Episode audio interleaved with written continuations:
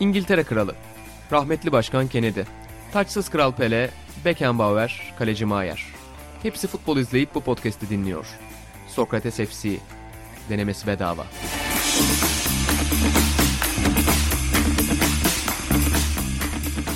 Sokrates FC'den herkese merhabalar. Ben İnan Özdemir, e, İnan Özgen ve Buğra Balaban'la birlikte yepyeni bir bölümde karşınızdayız efendim. Geçen hafta çok ciddi badireler atlattık podcast'te. Soru cevabın başında da zaten dinlemişsinizdir. Aramızda çok tartışmalar oldu ama e, sonrasında bu hafta sevgili yani Osman Yağmur Dereli'nin Mahmut Tuncer, İbrahim Tatlıses özel barıştırma videosunu izleyenleriniz varsa hani televizyonda yayıncılıkta nasıl barışılır onu görmüşsünüzdür. Çok benzer bir barışma yaşanıyor baba öyle değil mi? Aynen kesinlikle. Burada Osman Yağmur Dereli ata mı Buğra mı soru o sadece. Yani burada Yağmur Dereliler var diyelim.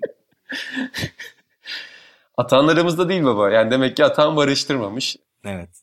Buğra'nın ön ayak olduğu bir süreç oldu. Atan yeni maceralara yelken açmak üzere bu hafta yok aramızda. Kesinlikle. Ama yani sen derginin reklamını yapmadan ben hem Atağan'ın kulaklarını çınlatıp hem de derginin reklamını yapayım. Bu ay dergide birçok içerik var. Çok yani hakikaten güzel iş yapıyoruz dediğimiz, kendimizde gurur duyduğumuz, mutlu olduğumuz içerikler var ama birkaç cümle var ki yani ben sadece okur olsam onlar için bile dergiyi alırım. Atağan'ın Türk halkını beraberliğe, birlikteliğe davet ettiği o malumat furuş kısmı beni büyüledi. Şimdi bugün dergim geldi gene açtım orayı okudum ilk olarak. Yani sayfalarımız nasıl güzel basıldı mıya bakmadım. Açtım bir daha orayı okudum. Hatanın Türkiye ön bakışındaki o madde zaten okuyunca anlayacaksınızdır. Lütfen neler hissettirdi bize yazın sosyal medyadan. Hatayla tartışmak istiyoruz bunu bizde. Zaten hani atıyorum işte sen bir film önermişsin, Buğra müzik önermiş, bende Finlandiya filmi var. Atağının döner bir madde hani ülkelere tavsiyeler döner. Şakşuka, Muammara ve Mustafa Sandal Tarkan. Yani malumat furuş bölümünün özgür kullanımı atağında var. Yani bir ülkeye böyle hakim olunur diyor. Fasafüse yapmayın. Gerçekten ikinci madde hani okuma yani okumak istiyorum bir totem önerisi. Yani gerçekten o madde. Hadi okuyuculara saklayalım. Yani dergimizi merak ettirmiş olalım. Evet 144 sayfa dergi çıkardık ama Türkiye maddesinde malumat furuş bölümünden başlarsanız ikinci madde İlan Özgen ve Buğra Balaban'ın tavsiyesi olsun size. Baba sofrayı açmışken ben de devam edeyim oradan. Bizim de dergi ekibinde çok güzel içerikleri oldu. Burada tek tek hepsini anons etmek zor ama İlhan Baba'yla bir Kim Wilford röportajı yaptık. 1992 Danimarka milli takımının plajdan gelmediğini öğrendiğimiz bir röportaj oldu babayla birlikte. Yanlış mı diye düşünüyorum baba? Kesinlikle yani meslek hayatımda en böyle ilginç ve bir yandan da en eğlenceli işlerden biri oldu cidden. Hani bu kadar gerilip bu kadar gergin başlayıp bu kadar güzel biterdi. Ve baba bize gelen Kim Wilford iyi İngilizce konuşamıyor infosundan Vallahi. sonra röportajın başlaması ve adamın Mr. Brown gibi İngilizce konuşup bizim bildiğin İngiliz yani adamın yanında bizim hiç konuşamıyor oluşumuz e, ya da seviye olarak çok düşük kalışımız çok komikti. Aynen. Aynen. Ama Buğra Biraz. orada da inan bana haddimi biraz bildirdi. Hmm. Orada da öyle bir şey yaşadık. Dedim ki inan dedim bu adam iyi İngilizce konuşuyor da dedim. Bazen dedim çok Danimarka aksanı yani Danca şeyi oluyor vurguları. Mesela isimlerde filan baya bir kafa yakabiliyor. Ne diyor bu abi diye. Ki isimleri neyse ki o takımın oyuncularını biliyoruz da uyanıyoruz.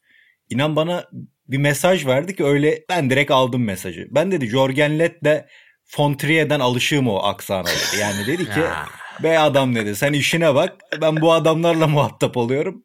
Sen git dedi Samatya'da tek elinden biri al şarap al dedi. Ben de bu mesajı aldım ve özür dilerim müdürüm dedim ve ayrıldım orada. Baba yani Efendi. Aynen.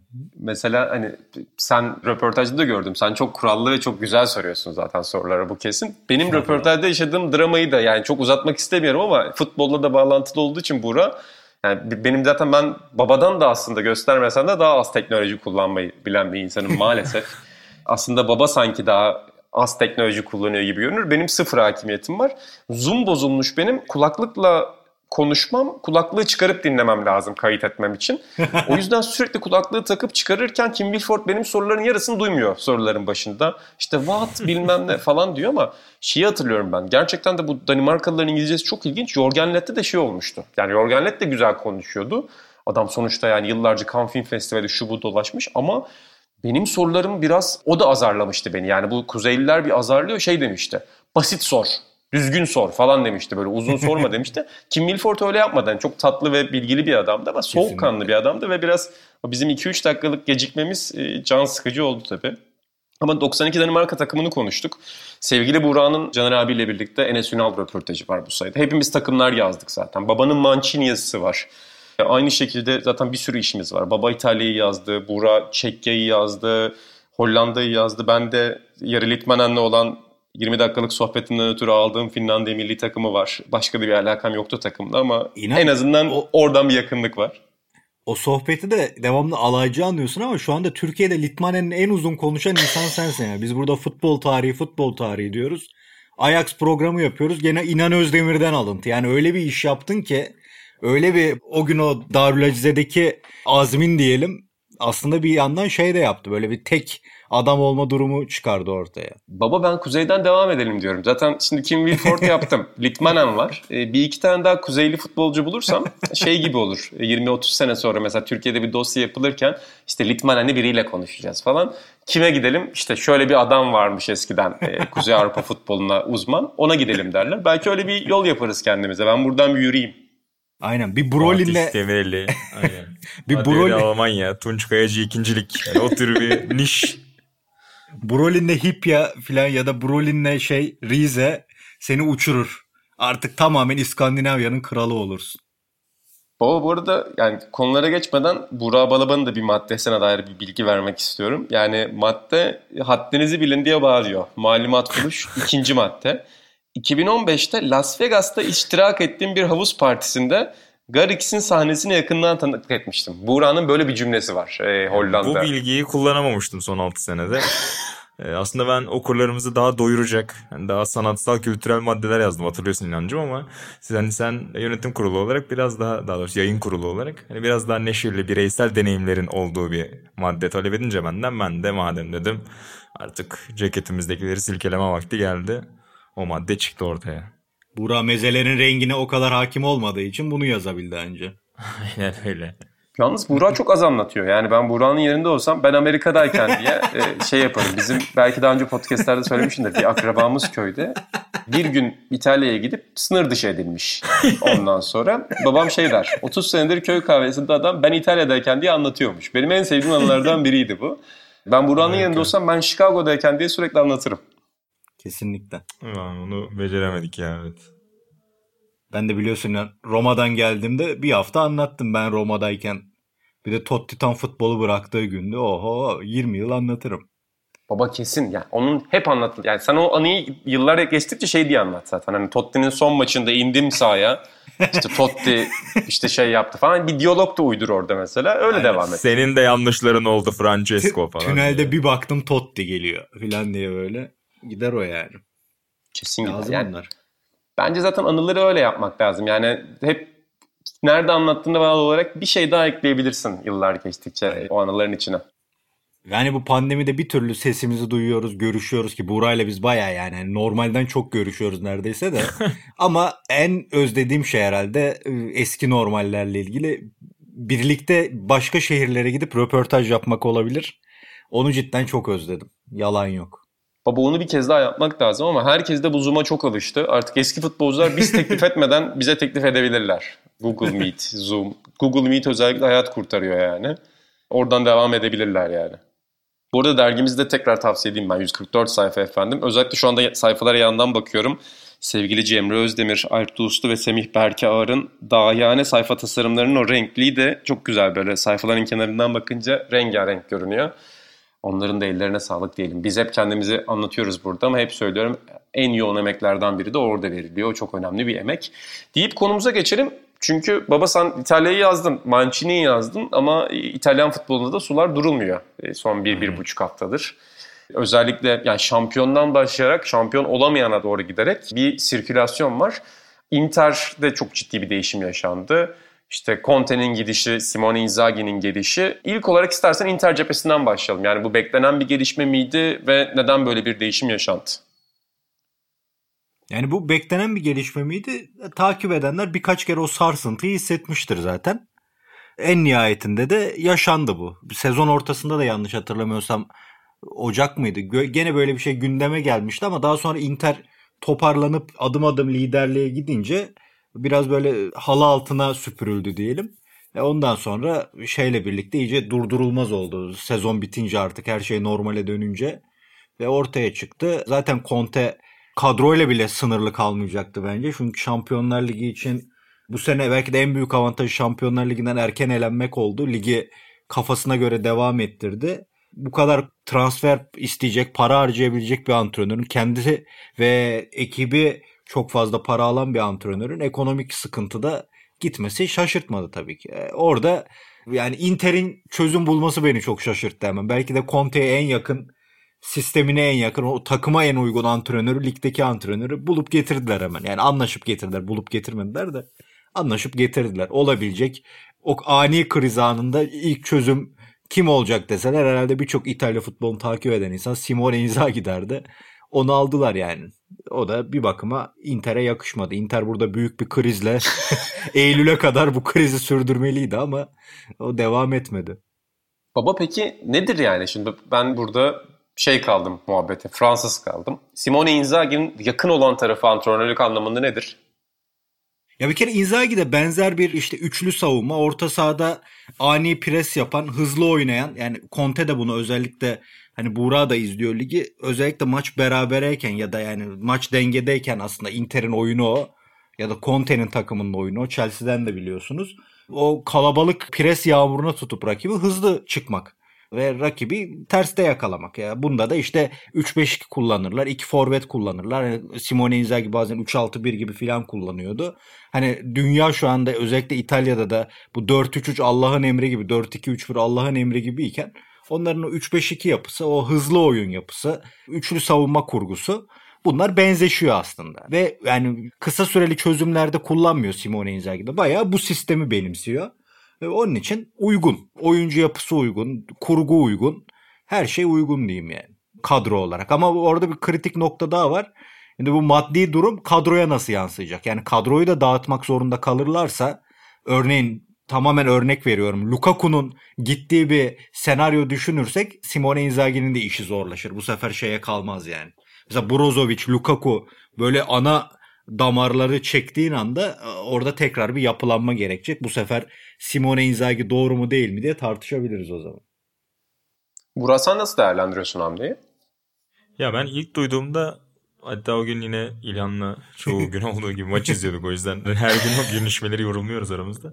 Ona dedim yani çok inter bir hareket oldu dedim yani. Hani uğraştın ettin 7-8 senelik bir Juventus hegemonyası vardı. Hadi bir şekilde şampiyon oldun. Belki daha önce de olman gerekiyordu hatta geçen sene önceki sene. Bir şekilde başardın. Sonrasında anında dağıtıyor olmaları bir yandan çok inter bir hareket olacak hakikaten. Çünkü biraz o takım sahiplerinin finansal durumu zaten Çin'de de işte sahip oldukları birkaç takım evet, evet, çıkardıkları. Aynen kulübü kapattıkları kadın futbolunda gibi gelişmeler vardı o grubun. O yüzden hani bir finansal sorun olduğu belliydi.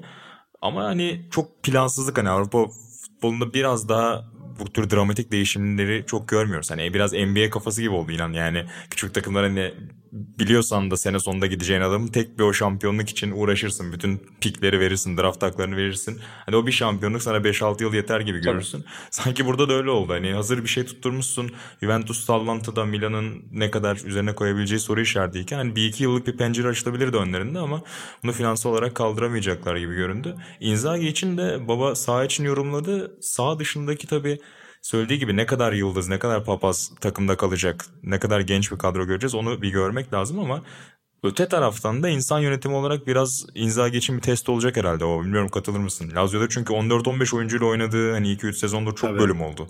Çok dar bir kadroyu da sonuçta hani rollerinden şikayet edecek oyuncu olmuyor. Çünkü zaten oynayan belli. Ee, onun dakikası test edilmiyor ama Inter gibi ya da herhangi bir ligdeki büyük takımlarda biraz daha işte 20 kişi 25 kişi yönetmen gereken uzun sezon yolculuklarında bakalım orada nasıl bir karnesi olacak Inzaghi'nin. Bir de Inter zaten genel olarak böyle bir test kulüp. Ee, o açıdan tabii, önemli. Tabii. Ama dediğim gibi mesela Conte geldiğinde Spalletti Brozovic'e yeni bir rol biçmişti. O ya da Skriniar gibi, Devray gibi, Handanovic gibi çok özel temeller vardı. Tamam Conte büyük iş yaptı. Hani bu temellerin sarsılmadan öbür hocaya kalması da aslında önemli dediğim gibi. Benim için en kritik şey o. Ondan sonrası da klasik bir Inter sınavı evet. Yani kötü gittiğinde çalkalanma, kadroyu kontrol etme. Bir de İtalya'nın en geniş kadrosu bana göre. Lazio'da en tepedekilerden en Hakikaten. geniş olmayan kadro. Bir ara korona döneminde 7 kişi falan çıkacaklardı sahaya yani. Sokrates halı saha takımı gibi kaleci arıyorlardı yani.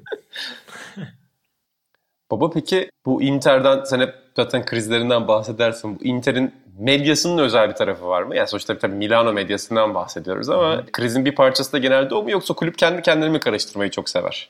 Ya kulübün de payı var da İtalya'da basının da çok payı var canım. Yani bir kere şey genel gerginliklerde de oluyor. Bu sene de oldu ya Conte ile Capello arasında. Senin B planın var mı? Merak ediyorum minvalinde bir şey sordu Capello. Conte de biraz böyle kriz anlarında bir kriz daha çıkarıp dikkatleri oraya çekmeyi sever. Daha önce de Galliani'ye falan mafya demişti Juventus'un başındayken. Hani öyle şeyler tabii ki İtalya'da basınsız bir gerginlik düşünülemez yani.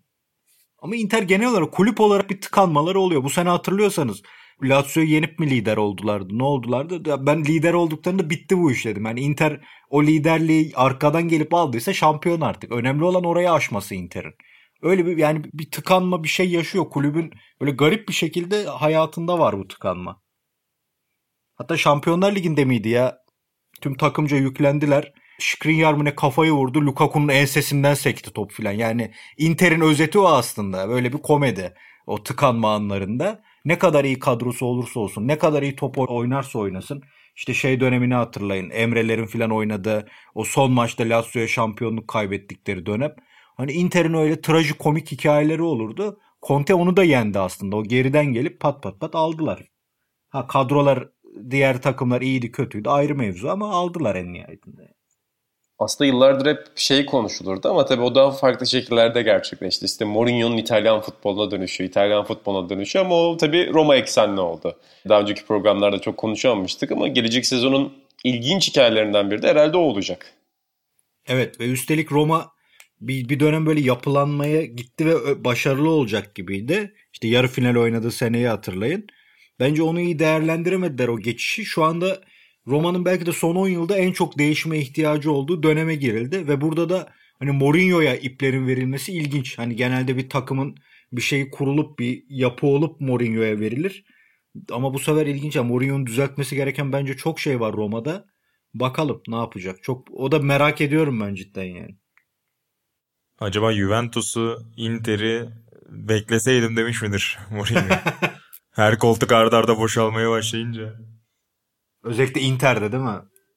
Tabii tabii ama gerçi bütçeyi de sever ya hoca. Hani Roma'da da biraz bir para harcama durumu olacak sanki. Yani Mourinho hamlesiyle beraber onu muhtemelen taahhüt etmişlerdir. Inter tam tersi kemer sıkma gibi bir kafa yapısıyla giriyorken hani Conte ile yollara yürüyorken orada biraz uyuşmazlık olabilirdi. Peki Burak bu tazminat işleri nasıl oluyor ben onu merak ediyorum. Şimdi e, zaten Mourinho'nun 2-3 kulüpten tazminat vardı ama acaba mesela Roma ile anlaşınca Tottenham'dan ne kadar alacağı kalıyor ya da Manchester'dan alacakları hala geçerli oluyor mu onu merak ediyorum ben.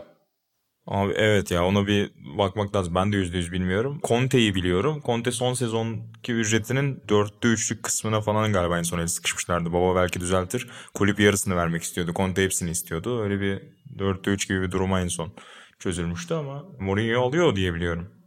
Çatır çatır. Aynen öyle. Peki Juventus'u bu eksende nereye koyuyorsunuz? Orada da Pirlo'nun sezonunu burada defalarca konuşmuştuk. Türkiye'de de gereğinden fazla tartışmamızın merkezine oturdu o Pirlo'nun kitabından dolayı. Hem o kitapta yazılanlar hem de kitapta yazılmayan ama insanların yazdığını düşündüğü şeyler üzerinden Fatih saldırdığı Terim komik hoca şeyler değil. var. Kitapta öyle bir şey yok ama Fatih Terim hoca değil. Gördüğüm en kötü hoca. Ben o kalıbı bu arada o sosyal medyada bayağı klişe bir kalıp oldu. Ben işte mesela tabii, NBA tabii. hesaplarını takip ediyorum Türkiye'de. İşte şey yazıyorlardı. Brett Brown gördüğüm en kötü hoca falan. Ben diyordum ki ulan bu kalıp nereden geldi? Meğersem ta o Pirlo muhabbetinden kaynaklanıyormuş. Bütün sezon o yüzden bir Pirlo gerginliği oldu ama Juventus'ta Pirlo yollara ayırınca da Türkiye'de de bir rahatlama oldu herhalde. E, o tercihe nasıl bakıyorsunuz? Abi sözü vermeden önce Juventus'un hoca değil orta saha olması lazım deyip öyle vereyim ilana. yani ke- bağlayın Anyelli ailesinin malikanesini de şunu bir de duysunlar yani. Başka bir şey yok. Başka bir yolu yok onu yani Buğra'nın dediğinden başka. Çok haklı. Allegri'nin orta saha üzerinden şey gibi böyle hani sahilde filan araçlar oluyor ya zemini düzlüyorlar. Hani öyle bir araçla girilmesi lazım o Juventus orta sahasına tek tek. Ondan sonra yapılanmak lazım. Geçen sevgili Bedirhan'ın Serie A Türkiye'de yaptığı videoya da e, konuk oldum. Orada da konuştuk. Yani Juventus'ta şu kadro tamam Pirlo dünyanın en kötü hocası olsun diyelim. Arrigo Sacchi'ye, Nereo Rocco'ya versen gene bir, bir, bir yere kadar gelirler yani. Ha, o kadar statik, o kadar durağan. Ya düşün Chiesa'nın birkaç maçta deparı, hırsı hepimizi şey yaptı. Helal olsun be çocuğu. Hani Türk takımlarında olur ya. Ulan genç işte koşuyor tarzında yorumlara neden oldu. Hani Ronaldo mu sebep, başkası mı sebep bilemem ama Juventus'un bir orta saha önce oyunu hızlandırmayı düşünmesi lazım diye düşünüyorum. Ki Allegri'nin listesinde de zaten böyle spekülasyonlar çıktı. Epey bir orta saha alternatifi var gibi transfer planlarında. Onlardan biri de yakın zamanda Sokrates'e transfer oldu. Aaron Ramsey belki bu sezon çok fazla forma şansı bulamadı ama bizim dergimize Euro 2020 değerlendirmesi yaptı. Aynen. Ama haklısınız yani e, muhtemelen gelecek sezona girerken onların da farklı hamleler olacaktır. İlginç olan baba gelecek sezon artık Serie A'dayız. Aynen, Jose Mourinho da geldi. Her sezon olduğu gibi ilk 3 haftada ben bu podcast'te Serie A geri mi döndü sorusunu sana sorarım. Ee, yayın haklarına şey göre belki Serie A'yı da takip ederiz. şey bir de inan mesela Mourinho'nun maçları takip edip bu mağlubiyet Mourinho'ya yazar tarzı yorumlar yapardım. o da önemli. Şey ya da benim en sevdiğim kalıp o. Inzaghi Mourinho'yu yendi. Ee, benim Sağda oynayan 11 adam at. Öbürleri satranç oynadı şeyde. Benim, benim en güldüğüm muhabbetlerden biri. Obradovic, Ivkovic. Ee, NBA'de de çok başladı biliyorsunuz hep söylerim onu işte Spolstra Stevens'ı yendi ondan sonra. Ee, ki hani baskette yine bir mantığı var kesinlikle futbolda çok daha zor yani futbolda onu oradan yapmak gerçekten çok daha zor. E, İtalyanlar demişken bu arada Burak önce senin görüşünü alayım. Carlo Ancelotti cephesinden de bir haber geldi. Podcast'imizin daimi konuklarındandır o da. E, Real Madrid yine hocada eskiye geri dönüş yaptı. Yani Galatasaray'la çok benzer bir strateji izliyor Real Madrid'de. E, sırayla geçmişe doğru dönerek gidiyorlar ama kodlarının çok uyuştuğu bir antrenör Carlo Ancelotti. Nasıl bakıyorsunuz bu hamleye? Tabii tabii asilzadeler e, devam ediyor. Yani Zidane hani işte bakarsın hani göçmen dersin ama Fransa'da çok o işlere girmeyen çok daha böyle monşer takılan bir adamdı. Oyunculuk kariyeri de öyleydi. Milli takımda da havası başkaydı. E, antrenörlüğü de öyleydi zaten. E, Ancelotti dediğin adam zaten bunun herhalde kitapta konu anlatımı kitabı olsa orada bu Ancelotti'nin resmi olurdu. Yani son 20-25 yıla baktığında. Ya o seviyede olması gerekiyormuş gibi geliyor. İnan bilmiyorum hani janti ve abi olur mahallede. Ya ona yakıştırmazsın bir yerde oturmayı. Ya belli bir kafede görmeyi beklersin. Ya da Hıncal abi bir ara hep oradaköy'de bir kafede görürdük ya. Hani o bir gözün seyiriyordu yani Everton, Ancelotti. Tam bir kan uyuşmazlığı var gibiydi. O yüzden benim hoşuma gitti açıkçası. Yakışır. Gerçekten de öyle. Petrali'yi şu an yani zaten koçluk yapmıyor da Charlotte'a koysan olmaz. Eğrit, eğriti durur. Aynen New York yani en yakışan New York zaten. New York olacak, Los Angeles olacak, Miami olacak. Başka yerde zor. Baba sen nasıl bakıyorsun Ancelotti hamlesine? Yani haklısınız ama yani Ancelotti de artık oralarda mı zihnen ve genel form olarak onu bilemiyorum ya. Elbette ben de biliyorsunuz severim de yani. Hem topçuluğu muazzamdır, antrenörlüğü de tabii ki büyük işler yapmıştır ama yani bilemedim o. Ya Ancelotti artık böyle şey oldu gibi. Hani Lippiler gibi, Lippi'nin artık o milli takımı çalıştırdığı dönem gibi. Hani ununu eleyip eleğini asıp milli takım görevini bekleyecek adam şeyine girişti gibi geliyor ama bilemiyorum da. Ha o ego yönetmek bahsettiğimiz Real Madrid'deki o çatışmaları yönetmek açısından elbette o işlerin erbabıdır, büyük hocadır o açıdan ama genel olarak o üst seviyeye ne kadar artık hem tempo olarak hem yani ne bileyim ya oralar artık uzak kaldı gibi geliyor bana. Napoli ile sanki bir ara yakalayacak gibi oldu ama mesela oradaki krizi de yönetemedi oyuncularla başkan arasında. Bilemiyorum yani. Hayırlısı olsun Ancelotti abimize. Çok sevdiğimiz bir abimizdir cidden. Evet yani o, o heyecanı taşıması ilginç belli açılardan da. Belki hani Real Madrid'de artık o kadar büyük ego kalmadı mı diye düşünüyor. Gerçi hala çok büyük papazlar var ama Real Madrid'in de bir değişim yapması lazım. Bir türlü onlar da değişemediler. İşte Haaland iddiaları çok oldu. Mbappe iddiaları çok oldu son dönemdeki. İşte Mbappe en son verdiği röportajda Simon Cooper'e söylemiş galiba. Hani Zidane'ın olduğu Real Madrid'e gitmek falan filan gibi bir muhabbet geçmiş galiba. Bunlar çok konuşuluyordu tabii ki ama şu anda Real Madrid'in de bir değişim olacak mı, olmayacak mı o bekleniyor. Juventus'la Real Madrid'in zaten benzer problemleri var. Yani Süper Lig muhabbeti üzerinden iki kulüpte çok odak noktası oldu başkanları üzerinden. Ama yeniden bir yapılanmak zorunda kalacaklar. Ee, bakalım o cepheleri de Sokrates FC ekibi olarak hararetle takip edeceğiz. E, deyip Şampiyonlar Ligi'ne gelmek istiyorum. Çünkü podcast'ten önce konuları tekrar çıkarırken geçen hafta biz e, bu konuları çıkarmıştık. Cem Pektor dedi ki Şampiyonlar Ligi biraz bayatlamış olabilir ama e, İlhan Baba orada hepimizi düşündüren bir şey söyledi. Analizler eskimez dedi. Aynen, bu Şampiyonlar Ligi finalinden de ne olursa olsun çok önemli analizler çıkardık. Futbolu değiştiren final olarak da bakabiliriz buna. Şaka bir yana benim son yıllarda izlerken en keyif aldığım Şampiyonlar Ligi finallerinden biriydi tempo anlamında. Ee, özellikle biri şey yazmış. 5. ya da 6. dakikada iki pozisyon falan olmuştu. Yani şimdiden Liverpool Tottenham finaline göre daha fazla pozisyon var bu maçta değil. Yani Liverpool Tottenham finali gerçekten korkunçtu. Yani Liverpool kazandığı için ben keyif almıştım ama pozisyon yoktu finalde. Taktikten anlamadığım için taktik savaşı da e, göremedim ben finalde. Belki or- oralarda daha aktif olabilirdik. Ama burada ilk Burak'a sana pas atayım. Thomas Tuchel ile Chelsea'den biraz bahsetmiştik ama çok etkileyici bir serüvenle defalarca üst üste Guardiola'nın Manchester City'sini yenmeyi başardı. Yani farklı cephelerde yenmeyi başardı. Ee, şaşırtıcı mı bu ya da en azından şöyle söyleyeyim gerçekten de çok etkileyici mi?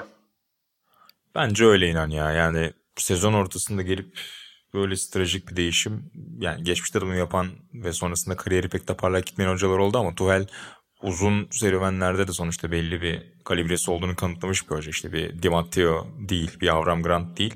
O yüzden birebir aynı bakamayız bence. O yüzden bana çok etkileyici geliyor. Yani Lampard'a kıyasla Lampard'ın ilk sezonunda hani İngilizlerden daha altyapıdan gelen oyuncuların aldığı verim için de çok takdire şayan şeyler söylemiştik. Ama işte o İlan'ın da söylediği ego yönetimi konusu bazen o bütçeler büyüdüğünde daha afili yıldızlar, daha büyük beklentilerle gelen oyuncular olduğunda e, çok kolay olmayabiliyor. Lampard o geçişte biraz problem yaşadı gibi. Özellikle işte Havertz olsun, Werner olsun o yeni eklemeleri yönetmekte biraz zorlanmıştı. Tuchel çok daha rahat hissetti. Söylediğin gibi hem ligde hem FA Kupası'nda hem Şampiyonlar finalinde yendi Tuchel Guardiola'nın e, City'sini ki sezonun en iyi takımı diyoruz, şampiyon diyoruz.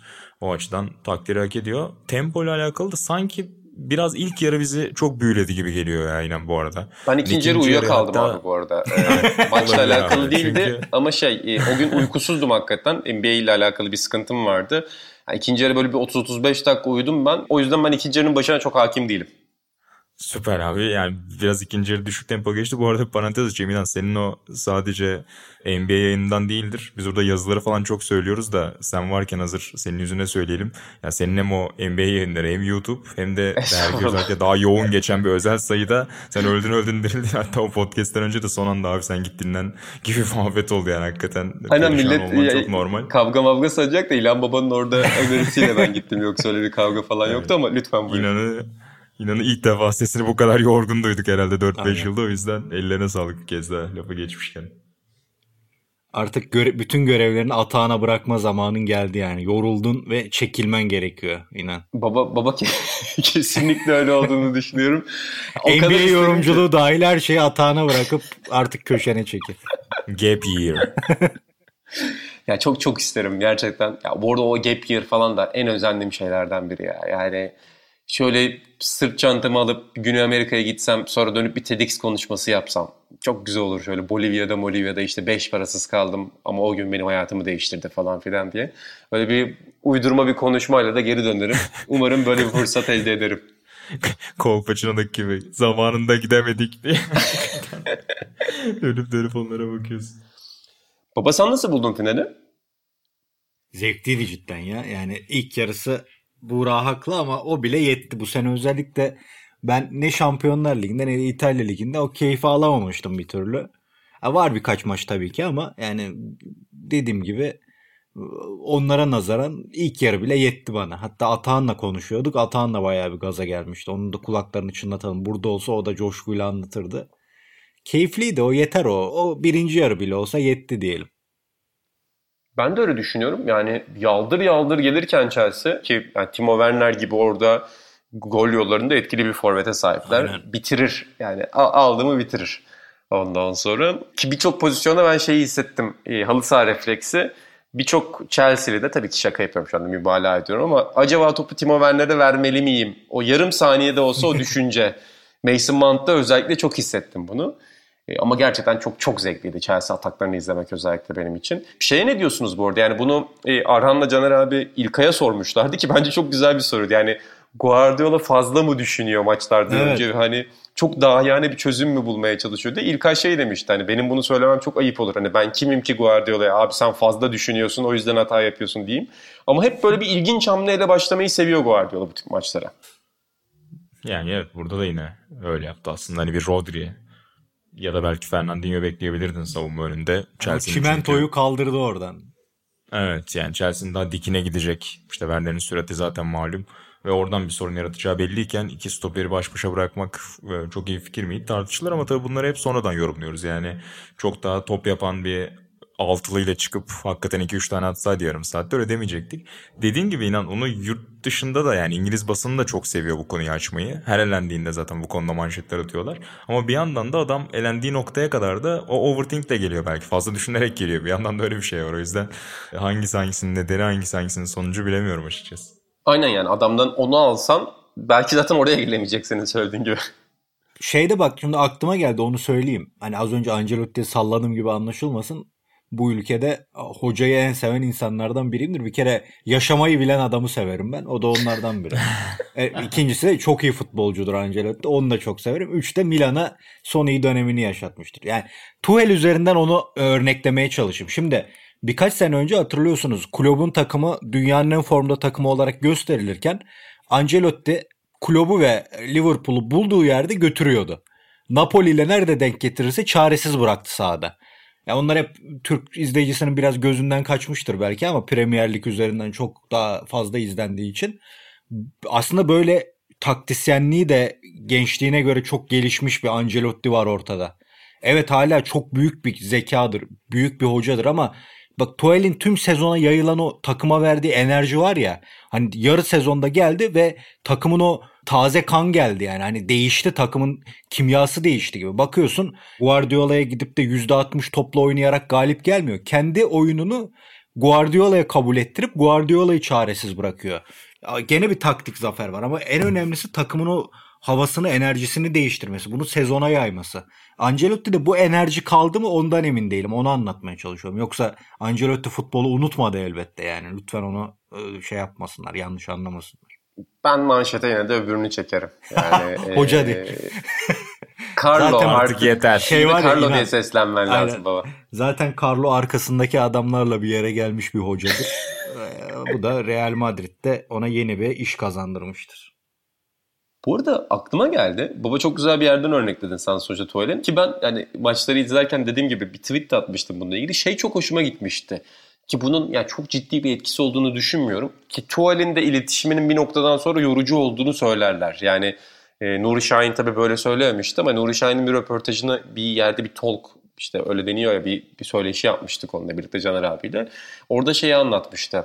Gördüğüm en zeki hoca, yani taktik bilgisi en üst düzey insan ama iletişimi bir noktadan sonra farklı diyor. Yani herhalde yıpratmaktan bahsediyor orada. Ama şey çok acayipti. Ben çok sevdim onu yani. Mesela oyundan çıkan oyuncunun sırtına attığı yumruklar. Biraz tehlikeli geldi bana ama yani gollerden sonra tepkisi. Yani takımla birlikte yaşadığı ve bu takımı çok benimsediği oyuncu grubuyla da arkadaş gibi olmak diyemeyiz buna belki ama hem otoritesini hissettirdi hem de onlara o enerjiyi verdiği çok belli oluyordu. Ancelotti hiçbir zaman belki öyle bir hoca olmadı ama farklı şekilde o karizmayla o takımı bir şekilde hayata geçirmeyi biliyordu. Mesela Klopp de biraz daha Tuchel gibiydi bildiğimiz gibi. Guardiola yine aynı şekilde. Ee, ama çok güzeldi Tuchel'in o takımı canlandırmasını ve takımla birlikte bu sezonun hikayesini yazmasını izlemek. Bir de şey güzel oldu. Hep aynı isimler üzerinden tepede antrenörlük konuşuluyordu. Hani bir de Tuchel üzerinden konuşulması bence o e, antrenörlük sohbetlerine de en azından benim gibi daha dışarıdan bakanlara daha hoş bir e, detay eklemiş oldu. Bu arada şimdi aklıma geldi. Başka bir konumuz yoksa size ufak bir test yapayım dedim. Ya da sizin ufak bir görüşünüzü alayım dedim bu konuda. Şimdi bu finallerden bahsettik. Ben Liverpool-Tottenham özelinde örneğini verdim. Biz daha önce bir Şampiyonlar Ligi tarihi podcast'i yapmıştık. Fakat 2000'lerle sınırlı tutuyorum. Yani 2000'den bugüne 21 senelik serüvene bakıyorum. 2005 Liverpool Milan'ı bir kenara bırakıyorum. Zaten gelmiş geçmiş en iyi finallerden biri. Onun dışında şöyle son 10 senede olur ama son 20 seneyle sınırlı tutayım. En beğendiğiniz finaller hangisiydi Şampiyonlar Ligi'nde? İstiyorsanız listeleri aç, açabilirsiniz ama hatırlıyorsunuzdur çoğunu zaten. Yalan yok ben açtım yani çünkü Abi ben kafa yanıyor yani artık. Hani Arsenal'ın kaybettiği tarafta olsa da ben o maçın hikayesini çok severim ya 2006'yı. Yani çok erken bir kırmızı kart eksiliyor Arsenal öne geçiyor. Barcelona'da Larsson giriyor sonra değişiyor oyun. Çok keyifli finaldi bence. Barcelona Arsenal finali 2006'daki. Ben de üzülmüştüm ya o finalde bayağı. Bir de Henrik Larsson böyle ilk golde mi ikinci golde mi dipten getirmişti topu kenardan galiba. Klasik bir Barcelona Evet, golü evet, atmışlardı. bell- belletti, bindirdi bir şeyler oldu. Bir 5 dakikada maç döndü. Aynen. Trajik bir sondu hakikaten. Ben o maçı izleyemedim ya. Kahramanın mezuniyeti vardı ondaydık. Ha yıkıldık. Aynen. Biz de böyle bir kardeşimizi severiz düşünün yani. Bir yanda futbol, hayatım, öbür yanda kardeşim. Ama seçimimi kardeşimden yana yapsın. Baba ben de öykü yüzünden şimdi finalleri tek tek söylemeyeceğim ama 3 tane Şampiyonlar Ligi finali kaçırdım. Hey arkadaş ya. Son 8 senede nasıl oldu bilmiyorum. Birinde Adana'dan döndü, birinde Toulouse'dan döndü, birinde de ablası evlendi. İkisinde öyküyü almak zorunda kaldım havalimanından. Bir tanesinde de düğündeydim. Yani 3 tane Şampiyonlar Ligi finali bende yok o yüzden 2010'larda. Ben de kendisine buradan teessüflerimi bildireyim ki hayatta en sevdiğim şey Şampiyonlar Ligi finali izlemekti. İşte bu sene de yarısında uyuyakaldık. O da rezillik oldu ama en azından ilk 45 dakika keyifliydi. Ben bu Real Madrid'in geri döndüğü Atletico Madrid'i 2010'lardan herhalde en çok öne çıkaracağım final olabilir. O da ilginçti ama ya. 4-1 ediyorsun değil mi? Ancelotti'nin oldu. Aynen. Ancelotti var değil mi o zaman takım başında? Galiba Ancelotti vardı baba evet. Çift solla oynadığı maç değil mi? Marcelo'yu sonradan oyuna soktu. İşte Sergio Ramos'un döndürdüğü maç. Sonra uzatmalarda Gareth Bale'in ama tabii yani temelde Sergio Ramos'un Evet kahramanlık evet o maçmış doğru doğru. Marcelo'nun sonradan girip bin tane sol kanatla o işi çözdüğü evet Ramos'un. E, İlginçti cidden. Valla benim favorilerim bir kere Bayern Münih Jupp Heynckes'in takımını bir yere yazarım. Ona çok mutlu olmuştum. 2010'larla mı sınırlıyız yine? Yo 2000'den itibaren baba. 2000'ler ha. Inter Bayern Münih yani Inter'e öyle bir şeyim yoktur. Kılım insanlar yanlış anlamasın. Burada bak sevinmişim. Ama burada ilginç olan şuydu. Inter'in o meşhur Barcelona savunmasıyla buraya gelip bu maçı üstüne oynaması ilginçti. Yani Milan Liverpool zaten saymıyoruz dedik. Milan Juventus son derece sıkıcıydı. Bakıyorum listeye de hangileri. Ben 2008-2009 Barcelona United'da severim. Yani 2010-2011 daha çok hatırlanır ama bence 2008-9'daki Manchester daha güçlü gibiydi gelir bana. Onlara karşı Barcelona'nın o Roma'daki futbolu beni çok yani etkilemiştir. Benim aklımda niyeyse o daha böyle keyif aldım. Belki arkadaş ortamında izlemiştik. Gerçi öbürünü de öyle izlemiştik ama o, o çok aklımda kalır ama bir numaram dediğim gibi şey olabilir. Bayern Münih'inki olabilir. Ben de şöyle bir baktım baba. Milan Juventus maçının bende de şöyle bir şey var. Yani 0-0 olağanüstü sıkıcı bir maç ama bir sonraki senenin PES'inin kapağında galiba vardı bu maçın e, fotoğrafı. olabilir. Son penaltı Shevchenko'ydu değil mi burada? Aynen. Sanki böyle Shevchenko'nun bir koşu stili vardı. Kollarını iki yana açarak penaltıdan sonra attı. Galiba bir seneki sonraki PES'in işte o zaman PlayStation 2 mi vardı 1 mi vardı artık hangisi varsa onun kapağında vardı. O yüzden ben bu finali böyle bir futbol şöleni falan gibi hatırlıyorum da muhtemelen resalet bir finaldi. E, Inzaghi kafa Buffon kurtarış dışında özel hiçbir şey yoktu maçta yani. O kadar sıkıcı bir maçtı ki. E, izlediğim en sıkıcı final olabilir ya Şampiyonlar Ligi'nde. Burak sende 80'lerde başka de var var mı? feci şeyler de 2000'lerde. Katılıyorum ya İlan'ın dediklerine ya dediğim gibi Barcelona Arsenal'ı ilk dikkatimi çeken oluyor. Şöyle bir listeyi açıp baktım ben de.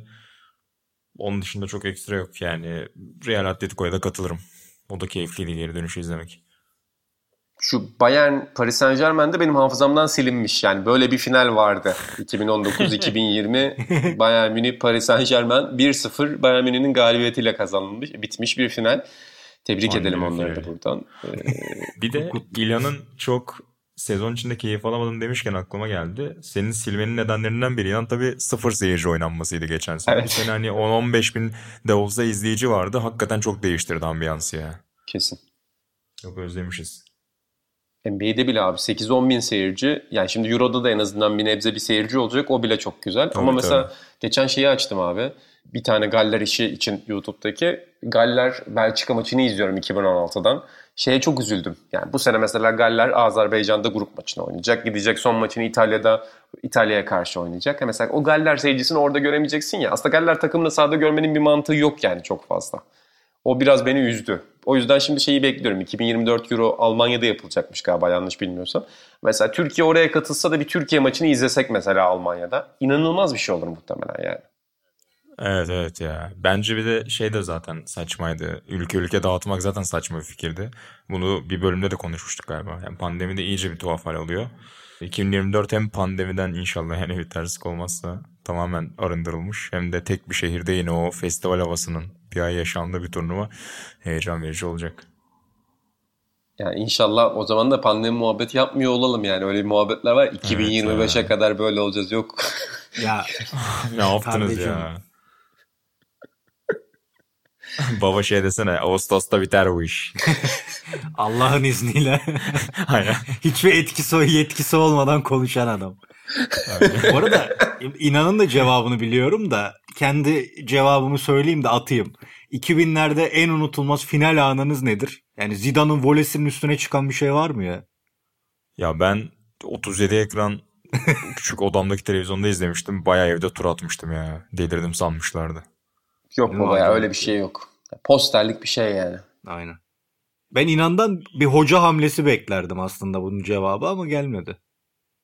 Hangi hoca hamlesi baba? Ne bileyim işte kulübün beşliğe dönüşü falan gibi bir şey beklerdim senin gibi bir adamdan ama üzdün beni. Ya Bale'ın Rovaşatası Şampiyonlar Ligi finalinde değil miydi ya? Evet. Evet evet. Bir o aklıma geliyor. O da, o da acayip bir andı ya. Abi o akıllardan Zidane gibi kalmadı. Bence Karius yüzünden kalmadı yani. Yani o öyle bir damga vurdu ki o maça. Olabilir. Doğru Abi zaten bizim dergide de Atahan yazmıştı galiba Gareth Bale ile ilgili. Mesela Gareth Bale'in de şeyi var ya yani bu Şampiyonlar Ligi finallerine bakıyorsun Real Madrid'in hepsinde bir şey yapmış adam. Yani o 4-1'lik Atletico Madrid maçında da Ronaldo penaltıdan atmıştı galiba en son. Ondan önce Gareth Bale'in daha önemli bir golü var. Yani tamam Gareth Bale futbolu sevmiyor, okey. Golf oynamaktan daha çok hoşlanıyor da hani bir de futbolu çok sevse ne olacak acaba yani? Ulan zaten 3 tane finale herif damgasını vurmuş, golünü atmış. Hani onun da kariyeri öyle olsun. O yüzden ben o muhabbetleri biraz gülüyorum. Yoksa golü çok güzeldi ama Zidane'ın herhalde şeyi farklı hep konuşuyoruz ya yani başkası da yap, yapabilirdi o golü atabilirdi belki ama Zidane'ın o golü atması daha da ekstra bir sos katıyor galiba gole. Dönüşü, duruşu, vuruşu gerçekten benim en evet. önemli anım o yani buradan şahit olduklarım arasında. Kesin kesin öyle. Bale demişken sen hem Liverpool golünü hem Atletico golünü konuştuk bir finalde penaltılarda bir tane de penaltı golünü atıyor. Bir şey yapmadığın hani tabelaya girmediği maça baktığında da final Cardiff'te. Yani kendi ülkesinde hakikaten her finalde bir hikayesi var dört şampiyonlukta. Kesin ya acayip bir şey zaten e, bütün bu finallerde. Ya Sergio Ramos'un da Atletico Madrid finalinde o son dakika golü müthiş karizma bir yani bir kaptan gemisini kurtarıyor. Hani daha klişe ama daha özel bir şey çok az olunur muhtemelen. İşte Drogba'nın golü yine çok simgesel. Tam onu söyleyecektim ya. Benim de aklıma o geliyor. Acayip çok şey. öyle ön direğe gidip kafa. Furkan da McManaman'ın Valencia attığı golü eklememizi istemiş. Doğru güzel. Ama tabii Zidane hakikaten yani bunların arasında da başka yerde ya şimdi kıyaslayınca. Tabii canım. Ki McManaman'ı çok severiz ama Zidane'ın golü cidden acayip. Evet İlhan Özgen'e McManaman diyeceksiniz ve duracaksınız. Aynen öyle. Dünya bir yana, Stevie bir yana. Öyle derim. yine iz, yine izledik ilanla e, eski Aynen. şampiyonlara bakarken YouTube programlarımız için. Mest oldu yine. Yani öyle bir sevgi olamaz. Çocukluk arkadaşlarım bulun sözlü tarih yapın isterseniz. Roberto Baggio ve Steve McManaman çok özeldir. Shearer da vardır ama McManaman'ı çok aklım durarak izlediğim anlar olmuştur. O dar alandaki çıkışları iki kişi arasından o acayip bir de kürdan gibi bir şeydi ya. Hani onun sağdaki kıvraklığı daha ilginç oluyor. Şimdi Bale da vurdu mu gidiyordu da baba zaten rugbyci gibi yani. Hani o sprinterliği var hissediyorsun ama McManaman'da pek bir şey hissetmiyorsun. Çırpı bacaklar işte dalgalı saçlar. Onun o ayağındaki hassasiyetle topu itip devam etmesi çok farklı bir şey hissettiriyordu ama Buraya da söyledim yani şimdi Wembley'deki maçları bir daha izledik onunla tek değilmişim. Yani Wembley'de zaten McManaman'ın ayağına geldi mi top ayağa kalkıyorlar. Uuu diye başlıyorlar şeye. Demek ki o etkiyi bırakıyormuş adam herkeste. Bu arada Baggio demişken Baggio belgeselinde konuşuruz. Filminde konuşuruz demiştik ama onu filmde, başka bir sefere Filmde oğlum şuna. tamam. Aynen. Baggio filmini başka bir seferden konuşuruz. Zaten çok ilginç ve sert eleştiriler aldı. Ee, babanın da o konuda görüşlerini merak ediyorum ama siz McManaman ve İngiltere demişken, eskilerde demişken şeyi de duyuralım. Yavaş yavaş sonuna geliyoruz programın. Sizin Senior Ne Diyor'da Avrupa Şampiyonası tarihinden programlarınızda devam ediyor şu anda. İki tanesi yayınlandı değil mi şimdiye kadar? Aynen. Ya, yarın da hemen üçüncüsü yayınlanacaktı ama bilemedim. Şampiyona başlayana ki... kadar 5'i de yayınlanacak öyle evet, söyleyeyim. biz bunu perşembe kaydediyoruz şu an bu podcast'te. Şu an iki bölümü yayınlandı sadece. Peki baba az önce de söylediniz beraber çok maç izliyorsunuz. Bu dönemde Avrupa Şampiyonası'ndan nasıl ne kadar maç tükettiniz? Yani beraber çok izledik de İlan bensiz de epey izledi ya. Birkaç e, turnuva gitti yani arada. Discord'dan beraber gidiyorsunuz hepsini bitirdim ben. Burayla da bayağı bir izledik yani. Zaten baba Discord'da görüyorum sizi. Ben bazen başka muhabbetlere işte geldiğimde falan geçen. E, orada hep görüyorum İlhan Özgen, Buğra Balaban, Euro odası ya da maç arşivi odası, maç kaseti odası orada görünüyor. Onları Analiz odası. E, aynen orada bütün hocaların Bu, Boot room diyebilir miyiz oraya? İzledik ama tavsiye... yani şey de keyifli oluyor. Misal yani birçok insan onu yaşıyor da Buğra'yla artık çok böyle şey olduk. İkili olduğumuz için o ortak keyif alınması güzel oluyor. Yani Buğra'yı zorla ilk başlarda öyle hissediyorum. Yani çocuğu bulaştırdık zorla izletiyoruz gibi ama sonraları Buğra'nın da çok keyif aldığını görünce cidden çok mutlu oldum. Hani hep arkadaşlarımla maç izlediğim dönemleri hatırlıyorum az önceki gibi. Çok keyif aldığım diye. Şimdi mesela ben İtalya Brezilya maçını belki de 20 kere falan izledim 82 ama hep Buğra ile izlediğimi hatırlıyorum böyle maçlar artık. Yani bu maçı Buğra ile izlemiştim diye kafama kazındı. O da demek ki bayağı keyif almışım bir süre sonra. Ama ilk başlarda üzülüyordum cidden. Yani çocuğa da emrivaki yapıyoruz. istemeye istemeye izletiyoruz zorla gibi geliyordu. Baktım ama o da keyif alıyor. Bu seneyle bayağı zevk aldık. O özel bölümlerde Ajax, Gladbach, Bayern Münih bayağı böyle keyifli maçlar oldu izlediğimiz.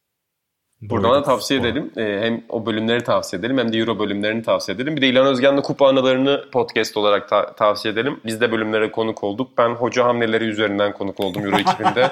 Burak da aynı şekilde konuklardan biriydi. Baba bu arada futbol taktikleri tarihi kitabına başladım. Ee, şu anda 2-3-5'teyim. Daha 100. sayfaya gelmek üzere. Uzun bir yol var önünde.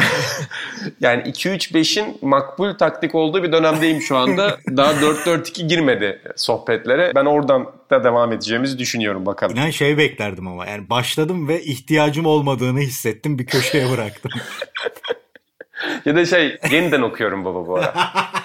Ee, asla ilk kez okunacak bir kitap değil çünkü bu da futbol taktikleri tarihi. Ben de bir yeniden okuyorum bu ara. Ee, önümüzdeki dönemde fark edeceksiniz zaten podcastlerde biraz 1920'ler Arjantin'i, Uruguay'ı, o 24 Paris Olimpiyatlarında Galliano'yu büyüleyen Uruguay takımı, onların o yaratıcılığına karşı İngilizlerin e, odunluğu, bütün o sohbetleri e, konuşacağız önümüzdeki bölümlerde. Çok keyif aldım ben de. Çok teşekkür ediyorum sizlere de. İnan şeyi söyleyeyim izninle, özür dilerim. Tabii. Geçenlerde galiba bizim Euro hikayelerini bir arkadaşımız yazmış. Hani bu bunu ve maç kasede formatını YouTube'a taşır mısınız gibi bir şey. Onu söyleyelim. Bu zaten Buğra Balaban'ın yıllar evvel YouTube'a ürettiği bir fikirdi. Bu sonra podcast olarak, maç kaseti olarak vücut buldu diyelim. Yani o YouTube'da bir türlü o şey yer açamamıştık bu tarz bir programa. Yoksa düşünülmüştü onu söyleyelim yani dinleyicilere. Ve çok zevkli bir format. Yani hem konuşması çok zevkli, hem senin de konuşması çok zevkli, hem de senin bahsettiğin gibi yani Buğra'yla sizin o yani sonuçta en azından hem bir iş var orada hem de bir yandan da bir arkadaşınla maç izleme keyfi de çok başta ya da arkadaşınla bir maç üzerine sohbet etme fikri de çok güzel. Belki daha da çeşitlendirilebilir. Yani Euro'su yapılır. Sonra belki Dünya Kupası yapılır. Yani çok keyifli oluyor. Dinlemesi de çok keyifli. Şimdi bugün ben Orkun'la senin yaptığınız bölümü dinledim mesela. Seyircilerimize de tavsiye edelim. Yani resmi bir tavsiye değil bu böyle nasıl yani dergiyi de tavsiye, tavsiye ederken öyle tavsiye etmiyoruz. Yani sonuçta biz bu şeyleri sevdiğimiz için de bir yandan tavsiye ediyoruz. Hani bir arkadaşça tavsiye olarak da o maçlara, o programlara bakmanızı kupa öncesinde bir kez daha tavsiye edelim. E, çok teşekkür ediyorum size de. Ben İnan Özdemir, İlan Özgen ve Buğra Balaban'la biraz İtalya gündemi, biraz Şampiyonlar Ligi, biraz da Avrupa Şampiyonası gündemine baktık efendim.